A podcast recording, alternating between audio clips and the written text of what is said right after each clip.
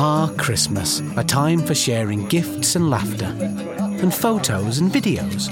Make the most of it with a SIM only deal packed with data from Tesco Mobile. Like a 10 gig SIM for just £13 a month. It's just one of the ways we're celebrating 100 years of great value. Go in store or search Tesco Mobile today. Tesco Mobile. Every little helps. Ends 29th of December. 12 month contract and unlocked 4G enabled phone required. Terms apply. See tescomobile.com slash terms. Bir defasında beni o kadar çok dövdü ki nefes alamaz hale geldim. Büyük kızım o hengamede polis çağırdı. Onu alıp götürdüler, koruma ve uzaklaştırma kararı çıkardılar. Bu karara rağmen her gün eve gidip gelmeye ve hatta şiddet uygulamaya devam etti.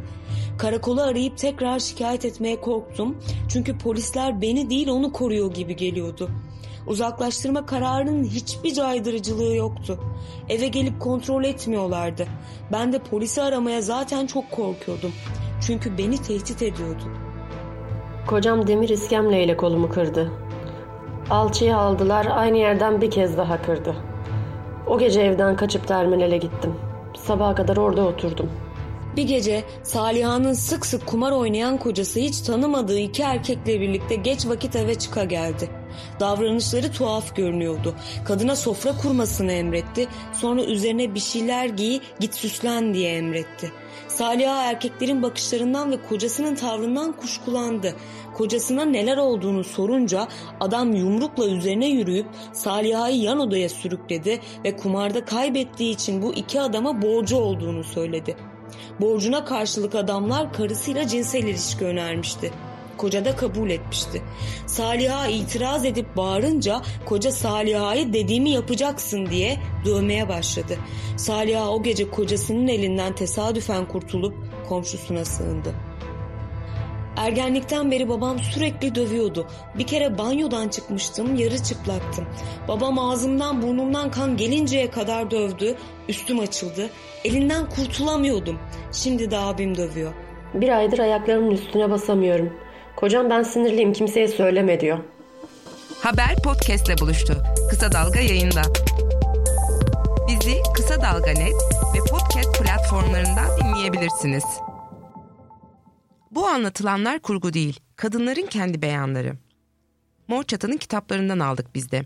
Bu kadar ağır bir şiddet yaşadıktan sonra bu kadınlar ne yapsın ya da ne yapabilir? Neyse ki yapılması kolay olmasa da bazı yollar var. Feminist avukatlardan Meriç Eyüboğlu bunları şöyle anlatıyor. Aslında karakollara, kendilerine en yakın karakollara e, ve savcılıklara başvurabilirler. E, doğrudan savcılığa gitmeleri gerekmiyor. İlgili karakolda gerekli işlemleri yapmak zorunda. E, kadın örgütlerine başvurabilirler. Oralardan destek alabilirler. Mor Çatı bunlardan biri. Mor Çatı gibi, Mor Çatı Kadın Sığınağı Vakfı gibi İstanbul'da ve e, diğer şehirlerde çok sayıda kadın örgütü var. Şiddete maruz kalan kadınlarla dayanışmak için kurulan, oralardan destek almakta e, yol e, yöntem öğrenmek ve yalnız kalmamak açısından son derece önemli. Mor Çatı'dan sosyal çalışmacı Leyla Soydinç ise şöyle sıralıyor. Ee, yani bir can güvenliği riski varsa zaten e, 183'ü arayabilir. E, 183 aslında hani sadece şiddetle ilgili değil ama işte kadın, aile, yaşlı çocuk danışma hattı. Çok geniş bir yelpaze, spesifik değil maalesef. Orayı arayabilir, 155'i arayabilir, polisi arayabilir. O an hani bir can güvenliği riski varsa. Onun dışında şiddet önleme ve izleme merkezini, şönim kısaltması olan e, yeri arayabilir. Burası daha hani danışması için neler yapabileceğine danışması için mor çatıyı arayabilir. Ee, yine belediyelerin sosyal hizmet merkezleri oluyor. Ee, her kadının ilçe belediyesinde en azından sosyal yardım işleri müdürlüğü, sosyal destek hizmetleri müdürlüğü gibi bir e, birim vardır. Onların yerelde de merkezleri olabiliyor. Belediyelerin sosyal hizmet merkezleri. Buralara gidebilir. Ee, avukat ihtiyacı için baroya başvurabilir. Ee, şiddet yaşayan her kadının ücretsiz avukat talep etme hakkı var. Bu çok önemli bunu bilmek. E, baroların adli yardım birimleri var. Buralara e, kadınlar başvuruda bulunabilirler. E, ilk etapta aklıma gelenler kaymakamlıklara başvurabilirler. E, valiliklere başvurabilirler. E, şey kolluk kuvvetlerine başvurabilirler. Gidip sığınak talebi için özellikle e, kaymakamlığa, karakola, şönime gidebilirler. Bütün bu, buralardan yapılıyor. 6284 de aynı şekilde. E, bütün bu saydığım birimlerin bu kararı alma yetkisi var. E, aynı zamanda kadın kendisi adliyeye giderek de aile mahkemesinden de alabilir bu e, kararları. Yani avukatı olsun ya da olmasın.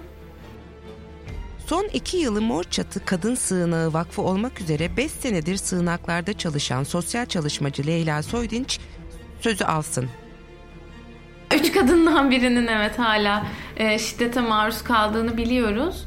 E, oldukça yüksek oranlarda. E, üstelik şöyle de bir şey var. Örneğin e, cinsel şiddet için söyleyebilirim özellikle. Cinsel şiddete maruz kaldığını söylemek kolay bir şey değil. E, birçok bir aslında orada hem destek mekanizmalarının olmaması bu anlamda e, orada e, sosyal bir takım engeller var. Kadına bakış açısıyla ilgili işte polisin, mahkemenin, savcının, gittiği sosyal hizmet merkezinin neyse. Dolayısıyla bunu söylemek, e, ihbar etmek oldukça güç. E, ya da evlilik içinde olduğunda bunu aynı zaman aynı şekilde cinsel şiddet olarak bile görmek e, güç. O yüzden bu oranların daha da fazla olduğunu aslında düşünüyorum. Ee, özellikle cinsel şiddet anlamında yani yansıyan rakamların daha fazla olduğunu. Şiddet için de aslında genel olarak bu geçerli. Bir önceki bir kadın, bir erkek, bir aşk ve sonrası podcast'imizde fiziksel, dijital ve psikolojik şiddeti anlatmıştı psikolog Feride Güner'i. 27 yıldır kadına yönelik şiddet çalışan Güner'i bu sefer de cinsel şiddeti detaylandırıyor. Cinsel şiddet derken biraz önce Saliha'nın anlattıklarına benzer olanları. Hakkında en fazla ön yargı olan şiddet biçimi, kadınların anlatmakta en çok zorlandıkları ve utandıkları şiddet biçimi, e, cinsel şiddette de amaçlar yine tamamen aynı. Cinsellik sadece bir araç. Cinsel şiddetin cinsel şehvetle, istekle ilgisi yok aslında. Cinsel şiddetin amacı kadını kontrol etmek, cezalandırmak, güçlü hissetmek ve cinsel şiddeti uygulayan kişiyi de tatmin eden zaten bu. Çünkü bir insanın bedenine sahip olduğunuzda aslında onun ruhuna da sahip oluyorsunuz ve o e, mutlak güç duygusu uygulayıcısına haz veren duygu. Ama kadınlar e, cinsel şiddet için suçlanıyorlar, sürekli suçlanıyorlar.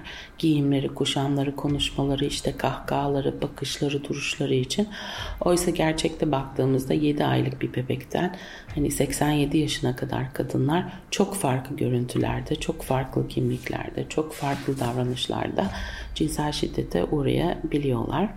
Ee, yine FBI istatistikleri bu konuda çalışmalar yapıyor ve kadınların cinsel şiddet konusunda yalan söyleme oranları insanların bütün suçlar hakkında yalan söyleme oranlarıyla aynı. O da yüzde üç gibi.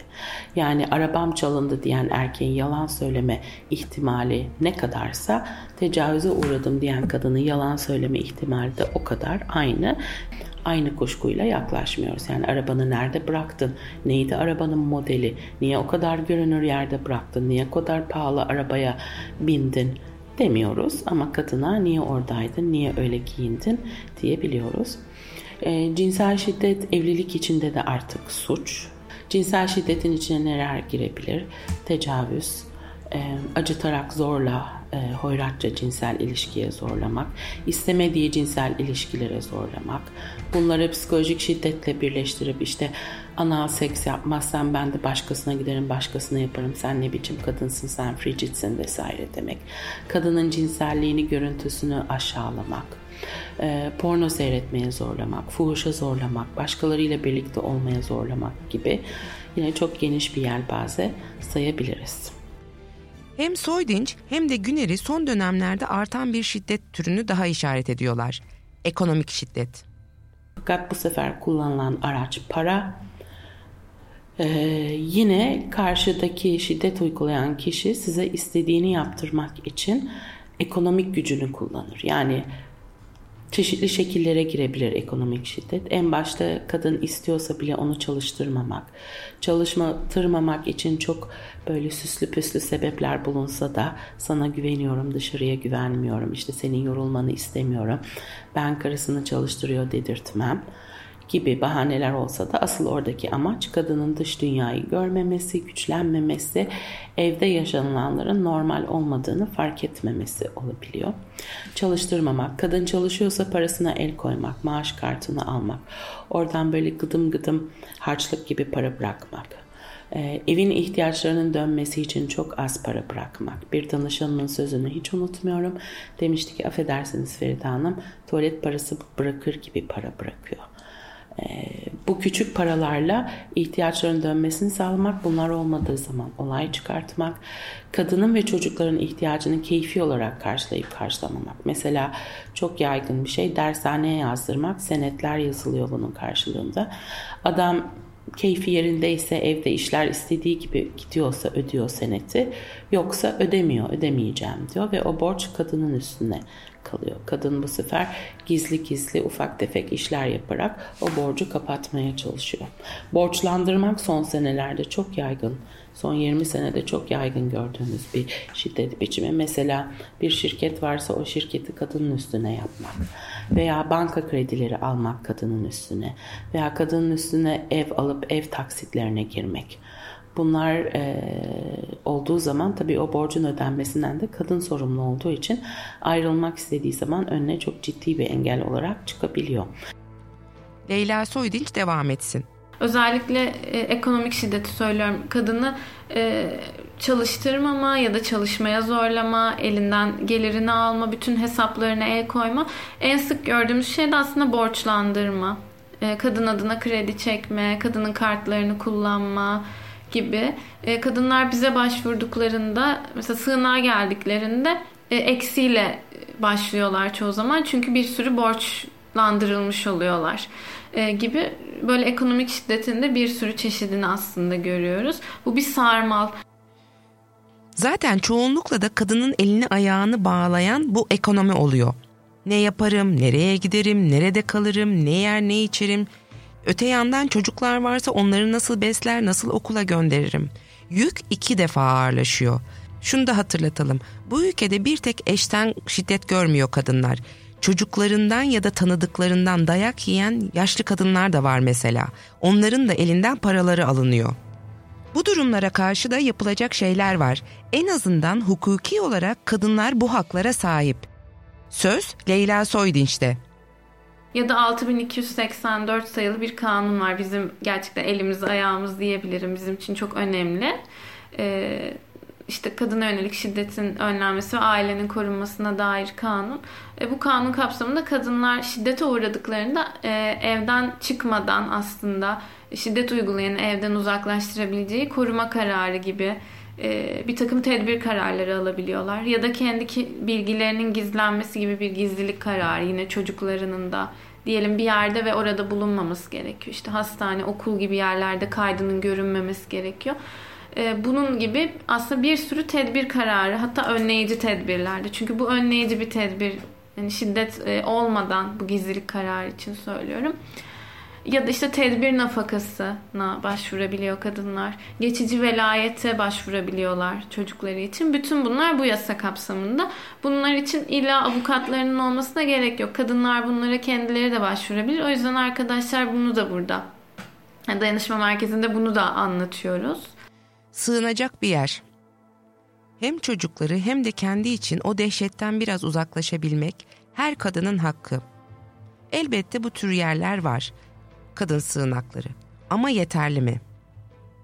Ne yazık ki bunu öyle kolayca evet diyebilmek mümkün değil. Leyla Soydin şöyle anlatıyor. Şöyle e, şu anda e, son veriler değişebiliyor. Zaman zaman e, veri verilerle ilgili bilgi almakta da zorluk yaşıyoruz bilgi edinmeleri ama e, 144 kadar e, sığınak var. E, bunların çok büyük bölümü e, Aile e, Çalışma ve Sosyal Hizmetler Bakanlığı'na bağlı. E, 30 küsür kadarı belediyelere bağlı. Bir tane göç idaresine bağlı mültecilerle çalışan bir e, sığınak var. Bir de Mor Çatı'nın sığınağı var. E, tabii ki yani niteliksel kısmı biraz anlattım ama niceliksel olarak da çok büyük eksiklikler var. Ee, mesela bizim taraf olduğumuz hatta adını verdiğimiz İstanbul Sözleşmesi de e, bir aslında belirlenmiş bir kapasite e, var orada. Bir yatak hani nüfusa göre bir e, olması gereken bir kapasite var ve biz bunun hani henüz yarısını karşılayabiliyoruz ancak. O verilere bakalım şimdi. Aile, Çalışma ve Sosyal Hizmetler Bakanlığı'nın Eylül 2018'de yaptığı bir açıklama var. Şöyle diyorlar. Kadının Statüsü Genel Müdürlüğümüze bağlı 81 ilde 2697 kapasiteyle 110 kadın konuk evi hizmet veriyor. Bakanlığımız dışında belediyelere bağlı 725 kapasite ile 32, Göç İdaresi Müdürlüğü'ne bağlı 12 kapasite ile 1, Mor Çatı'ya bağlı 20 kapasite ile 1 olmak üzere toplamda 3454 kapasite ile 144 kadın konuk evi hizmet vermektedir. İyi güzel de tekrar aynı soru. Yeterli mi? Ve tekrar aynı cevap. Hayır. Birleşmiş Milletler'e göre eğer bir yerde 10 binin üzerinde nüfus varsa orada en az bir yatak olmalı. Buna göre Türkiye'de kadın sığınaklarının kapasitesi 8081 olmalı. Ama güncel olarak Türkiye'de 144 kadın sığınağı ve 3724 yatak kapasitesi var.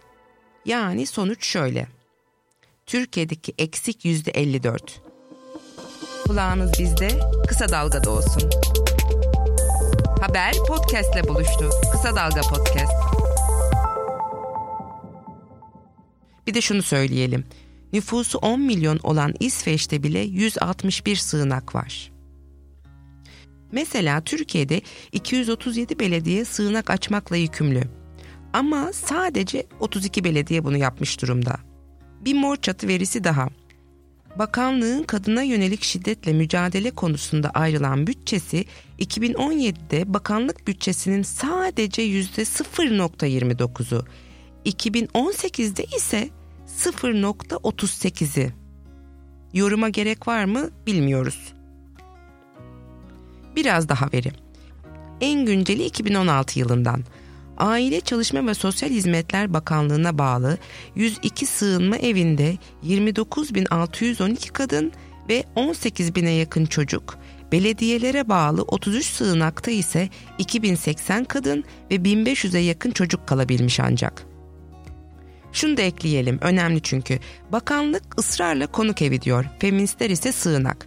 Çünkü feministlere göre konuk evi demek kadına yönelik şiddetin ciddiyetini son derece görünmez kılıyor. Yani kadın oralarda konuk olmaya gitmiyor, şiddetten kaçıyor. Sığınak onlara göre kadınların can güvenliğini sağlamak amacıyla gerçekten can havliyle sığındıkları yerler. Şiddet kelimesi söylenirken çok kolay görünüyor belki. Ama şiddet hiç de öyle bir şey değil. Birkaç ay önce sokak ortasında öldürülen Emine Bulut ve kızının yaşadığı dehşet ve korkuyu hatırlayın birçok insan izlerken bile dayanamamıştı. İşte ağızlara pelesenk olmuş şiddet tam da aslında bu. Sayıların yetersizliği kadar var olan sığınaklarda başka sorunlar da var. Elbette şunu söyleyelim. Kadınların şiddete uğradıkları evlerdense ne kadar sorunlu olursa olsun sığınaklarda olması kesinlikle ve kesinlikle çok daha iyi. Ama ama kısmını Leyla Soydinç anlatsın. Zaman zaman e, sığınakların işleyişi kuralları e, değişebiliyor. Örneğin işte e, bakanlığa bağlı, e, şönime bağlı, şiddet önleme ve izleme merkezine bağlı sığınaklarda e, kadınları zorlayan bir takım kurallar olabiliyor. İşte giriş çıkış saatleri, telefonlarının olmaması vesaire gibi daha böyle e, biraz baskı yaratan aslında e, evlerinde yaşadıkları şiddete benzer bir e, ortam yaratan e, bir takım kurallarla karşılaşıyorlar ve tabii ki aslında ya da orada e, yeterince sosyal destek mekanizmalarına yönlendirilmemek bunlar tabii ki kadınların şiddet ortamlarına geri dönmelerine neden olabiliyor. Mor Çatı Kadın Sığınağı Vakfı ise e, bizim kapasitemiz 18 kadın ve çocuk olarak. Genellikle de her zaman dolu oluyor zaten. çünkü hani sığınak gerçekten bir ihtiyaç şu an için. Maalesef sığınaksız bir dünya desek de önümüze bu şeyi koysak da hedefe şu anki koşullar tabii ki sığınağa çok ihtiyacımız olduğunu bize gösteriyor.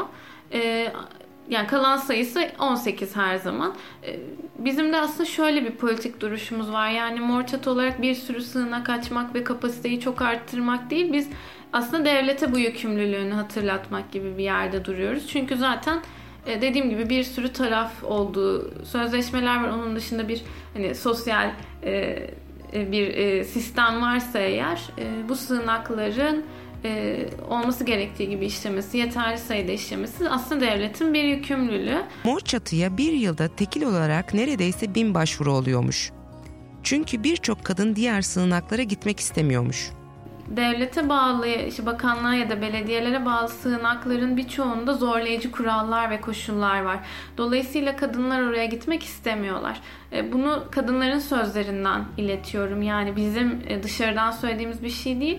E, buraya dayanışma merkezine aldığımız telefonlar yılda biz bine yakın başvuru alıyoruz. Bunların tek arama olarak takip ettiğimiz şeyleri dışarıda bırakıyorum. Yani yeni başvuru olarak neredeyse bin gibi ve burada iki tane sosyal çalışmacı var. Onlar karşılayabildiği kadarını açabiliyorlar. Çok daha fazla sayıda arama alıyoruz günde. Çok fazla da sığınak başvurusu oluyor. Ee, ama şeyle karşılaşıyoruz. Yani orada kural ben gittim. Orada şöyle şöyle kurallar var. Ben orada işte hapishanede gibi hissettim. O yüzden ben mor çatıya gelmek istiyorum. Yoksa gitmem oraya gibi. Mor çatıda sığınağa kabul koşulu sadece şiddete uğramakken bakanlıkta durum değişiyor. Şöyle söyleyeyim mor çatıda bizim tek bir kriterimiz var kadınlar için şiddete maruz kalmış olmak yani ev içi ya da yakın ilişki vesaire yani bu bunu e, kısıtlamıyoruz ama e, bakanlığa gelecek olursak mesela orada şöyle bir durum var. E, bir kadının 12 yaşından büyük olan çocuğu varsa gidemiyor oğlan çocuğu sığınağa. E, biz böyle bir kural koymuyoruz mesela. E, çünkü biz orada şöyle bir şey var yani daha büyük yaşta olan çocuklarının orada işte istismar edebileceği e, diğer çocukları vesaire gibi. Ama bununla bu şekilde çalışılmaz. Yani biz 18 yaşına kadar her birey bir çocuk kabul ediyoruz olması gerektiği gibi ve biz sığınağı kabul ediyoruz 17 yaşında olan çocuğu da kalabiliyor ve e, zaten bu istismar vesaire gibi bunları engellemenin yolu bu şekilde ayrıştırmak, e, dışarıda bırakmak değil. Zaten bu e, her yerde başına gelebilir çocuğun. Okulda da gelebilir, sokakta da gelebilir. Dolayısıyla biz bunlarla çalışıyoruz. Ya da aynı şekilde mesela telefonları elinden alma meselesi. Kadınların telefona izin vermemi bu güvenlik nedeniyle verilmediği söyleniyor. Ama güvenlik böyle sağlanmaz aslında. Güvenliği biz hani bütün kadınlarla tek tek bir güvenlik planı, risk planı. Her kadın kendi risklerini biliyor. Onlarla konuşuyoruz ve bir plan yapıyoruz. Bu plan doğrultusunda zaten kadın neleri yapmasının riskli olacağını kendisi karar veriyor ve bu şekilde hareket ediyor. Yani bir telefonu elinden almak falan gibi e, bunlar çok otoriter yöntemler tabii ki. Bir de günün sonunda kadın oradan çıktığı zaman öyle bir e, güvenlik sistemi içerisinde olmuyor. Hani orada kapısında 7-24 güvenlik beklemeyecek. Kendi güvenliğini her zaman sağlaması gerekiyor olacak. Dolayısıyla bizim biraz daha böyle çalışmaya yönelik yani bu bütün bu durumlarla güvenlik, risk neyse onlarla çalışarak e, bu durumları, bu e, aslında kısıtları aşma ile ilgili bir gündemimiz oluyor. Peki şimdi bir kadının 12 yaşından büyük çocuğu varsa ne oluyor bu durumda? Meriç Eyüboğlu şöyle açıklıyor. Maalesef e, kadınlara şu seçenek sunuluyor. E, ya oğlunu bırakıp gel ya da gelme. Dolayısıyla oğlunu bırakabilecek yeri olmayan kadınlar sığınağa gitmemeyi tercih etmek zorunda kalıyorlar ya da oğullarından ayrılmayı tercih ediyorlar. Mesela aynı yaşlarda, benzer yaşlarda kız çocuğu varsa götürebiliyor ama oğlundan ayrılması gerekiyor. Bu çok ciddi bir handikap uygulamada günlük hayatta kadınları çok çok zorluyor. Hiçbir kadın için çocuğunu bırakmak, hele de aynı şiddete uğramış çocuğunu bırakmak kolay olmasa gerek. Ayrıca bakanlık ve belediye sığınaklarına engelli olan kadınlar ve psikiyatrik sorun yaşayanlar da alınmıyor.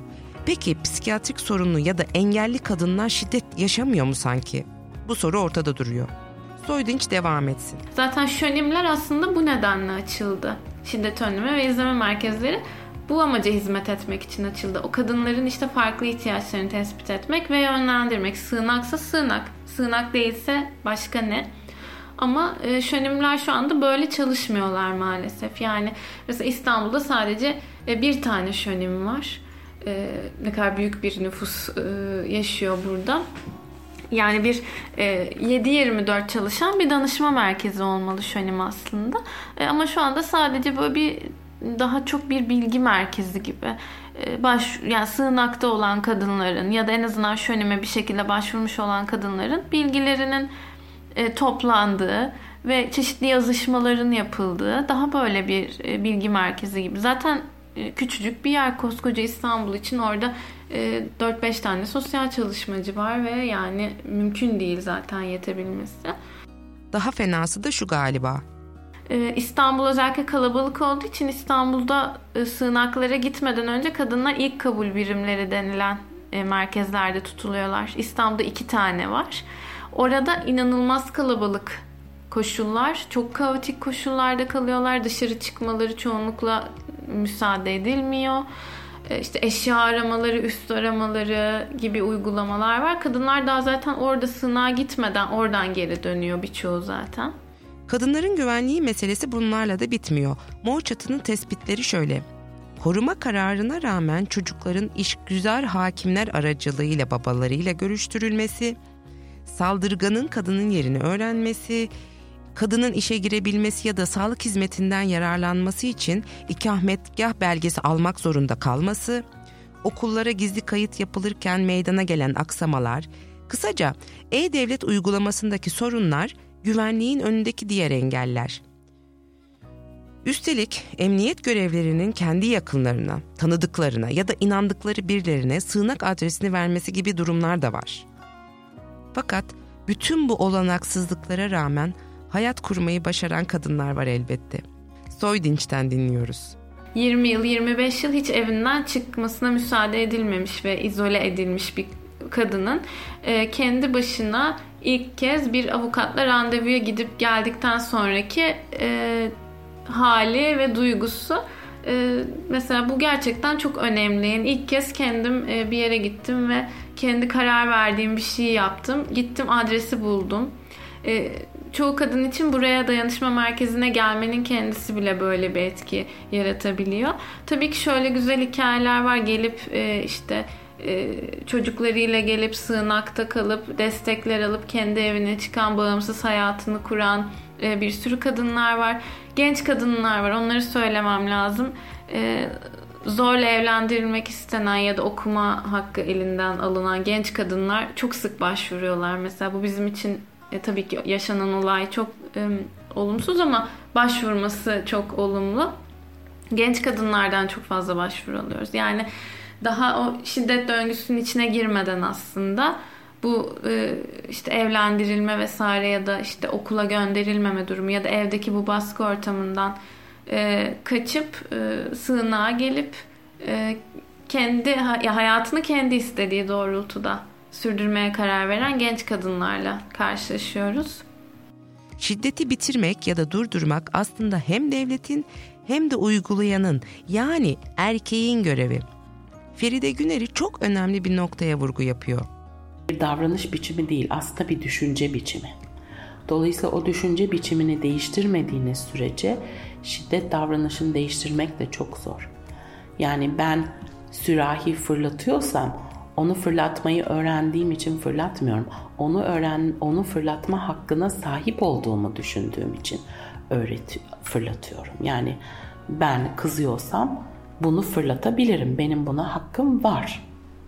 Başka da bir yöntem olamaz zaten. Doğrusu da budur.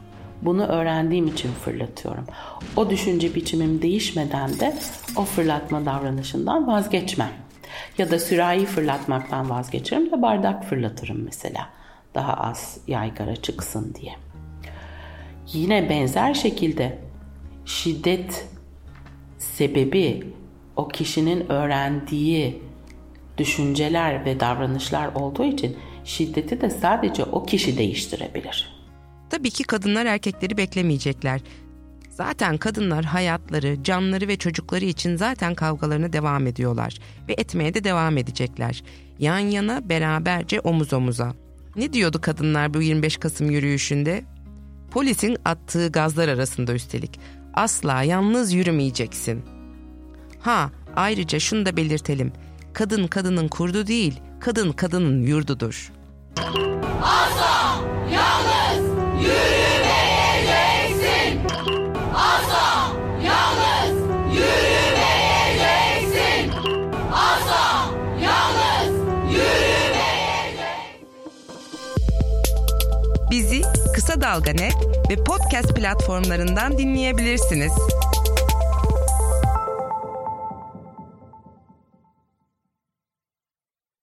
Starting a business means you had to be a businessman. A Tom, a Dick, a Harry or not. If women started and grew businesses at the same rate as men, they would contribute an extra £250 billion to the UK economy. That's why at NatWest, our new funding platform, Back Her Business, is helping more women to get started. So you can get started too, whatever your name happens to be. Search NatWest Rethinking Business. NatWest. We are what we do. UK residents with new UK projects can apply. Specific criteria apply. 2019 Rose Review claim equal to four years natural GVA growth. Can you think of a better use for the time you spend keying in your business accounts? Good. Because smarter bookkeeping from Sage reduces that time dramatically, simply by taking care of repetitive tasks.